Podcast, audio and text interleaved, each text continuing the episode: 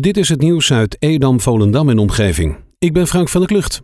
Onderzoeksorganisatie TNO noemt de proef met de corona-sneltest een succes. In de teststraat aan de Rai in Amsterdam werden de afgelopen weken bijna 900 sneltesten gedaan.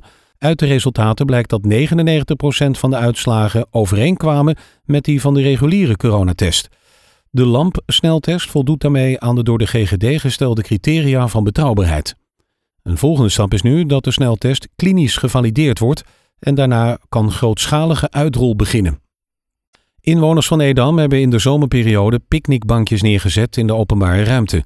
Sommige andere inwoners klagen erover bij de gemeente. Het gaat over de openbare ruimte en die is in principe voor iedereen samen. De gemeente houdt daar toezicht op en zorgt voor het onderhoud. Het is niet de bedoeling dat deze openbare ruimte wordt geclaimd door een deel van de inwoners. Het is in deze coronatijd erg begrijpelijk dat er behoefte is aan meer mogelijkheden buiten. Dan is het wel belangrijk dat dit soort activiteiten een gedeelde buurtinzet is. De buurtbewoners moeten het met elkaar eens zijn dat er bijvoorbeeld tijdelijk een bankje staat. De enorme coronabesmetting in het rioolwater blijkt alweer voorbij. Waarschijnlijk berustte de piek op een vergissing, zo meldt het Noord-Hollands Dagblad. Volgens de laatste rioolwatermetingen in de regio Zaanstreek-Waterland is het aantal virusdeeltjes gemiddeld 1075.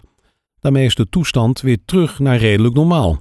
Eind september was de wekelijkse rioolwatermeting opeens uiterst alarmerend, uiterst alarmerend in Katwoude.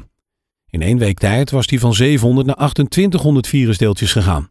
En dat bleek dus een rare uitschieter. Op dinsdag 27 oktober om 8 uur organiseerden Warne Goede en Wouter Tavecchio initiatiefnemers van familiepaviljoen Het Terras op de Breek een online informatiebijeenkomst over deze duurzame horecagelegenheid om de buurtbewoners en andere belangstellenden te informeren. Het paviljoen wordt gerealiseerd op de Kerkenbreek ter hoogte van de ingang van het sportpark aan het einde van de sportlaan. Niet op het land, maar op het water met uitzicht op het natuurgebied Het Twiske. Tijdens de voorlichtingsavond zal de architect het ontwerp toelichten. Tevens zullen de opdrachtgevers en een medewerker van de gemeente aanwezig zijn om je vragen te beantwoorden. De online bijeenkomst begint om 8 uur. Burgemeester Hamming van de gemeente Zaanstad roept inwoners op om illegale bijeenkomsten te melden bij de politie. Hij schaart zich daarmee achter burgemeester Don Bijl van Purmerend en Femke Halsema van Amsterdam, die al eerder opriepen tot het bellen met de kliklijn.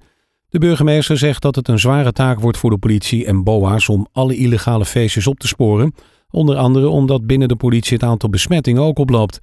Als je zaken ziet die niet voldoen aan de noodverordening, dan kan je met de politie en de gemeente bellen. Het drastisch oplopen van het aantal coronabesmettingen in deze regio en de nieuwe maatregelen van de regering hebben de organisatie doen besluiten de kledingactie voor mensen in nood op zaterdag 24 oktober in Marken te annuleren. Ze willen de vrijwilligers die hen zouden helpen niet blootstellen aan het zeer grote risico wat ze nu lopen. Voor mensen die de kleding niet of willen kunnen bewaren tot de volgende actie, zullen ze volgende week via kerkblad Protestants Marken en markennieuws.com een aantal tips aanreiken om de kleding toch te goede te laten kunnen komen aan een goed doel. Deze week heeft de blusploeg, bestaande uit oud brandweerlieden met behulp van een heftruck, de botterornamenten opgehangen op de haven. Omdat er dit jaar geen Sinterklaasintocht is, wordt de haven al kerstklaar gemaakt. Half november zal de blusploeg de kerstbomen op de haven plaatsen. Dat worden dit jaar wat minder bomen als voorgaande jaren. Alleen tegen de grote lantaarnpalen worden deze kerstversieringen aangebracht. Marco Vecinovic stond gisteren op het trainingsveld bij FC Volendam. De 30-jarige middenvelder heeft momenteel geen club en krijgt van trainer Wim Jonk de gelegenheid om bij de eerste divisionist zijn conditie op peil te houden. Vecinovic voetbalde voor het laatst in Polen bij Arka Gdynia. Die club huurde de middenvelder afhankelijk van AZ en nam hem voor seizoen ook over. Na de degradatie van Arca besloot de voetballer zijn contract, dat nog twee jaar doorliep, te laten ontbinden, waardoor hij nu transfervrij is. Eerder speelde hij ook al voor Heracles Almelo, Vitesse en Feyenoord. Viertal spelers van FC Volendam hebben gisteren enkele prominente sponsors van de club verrast.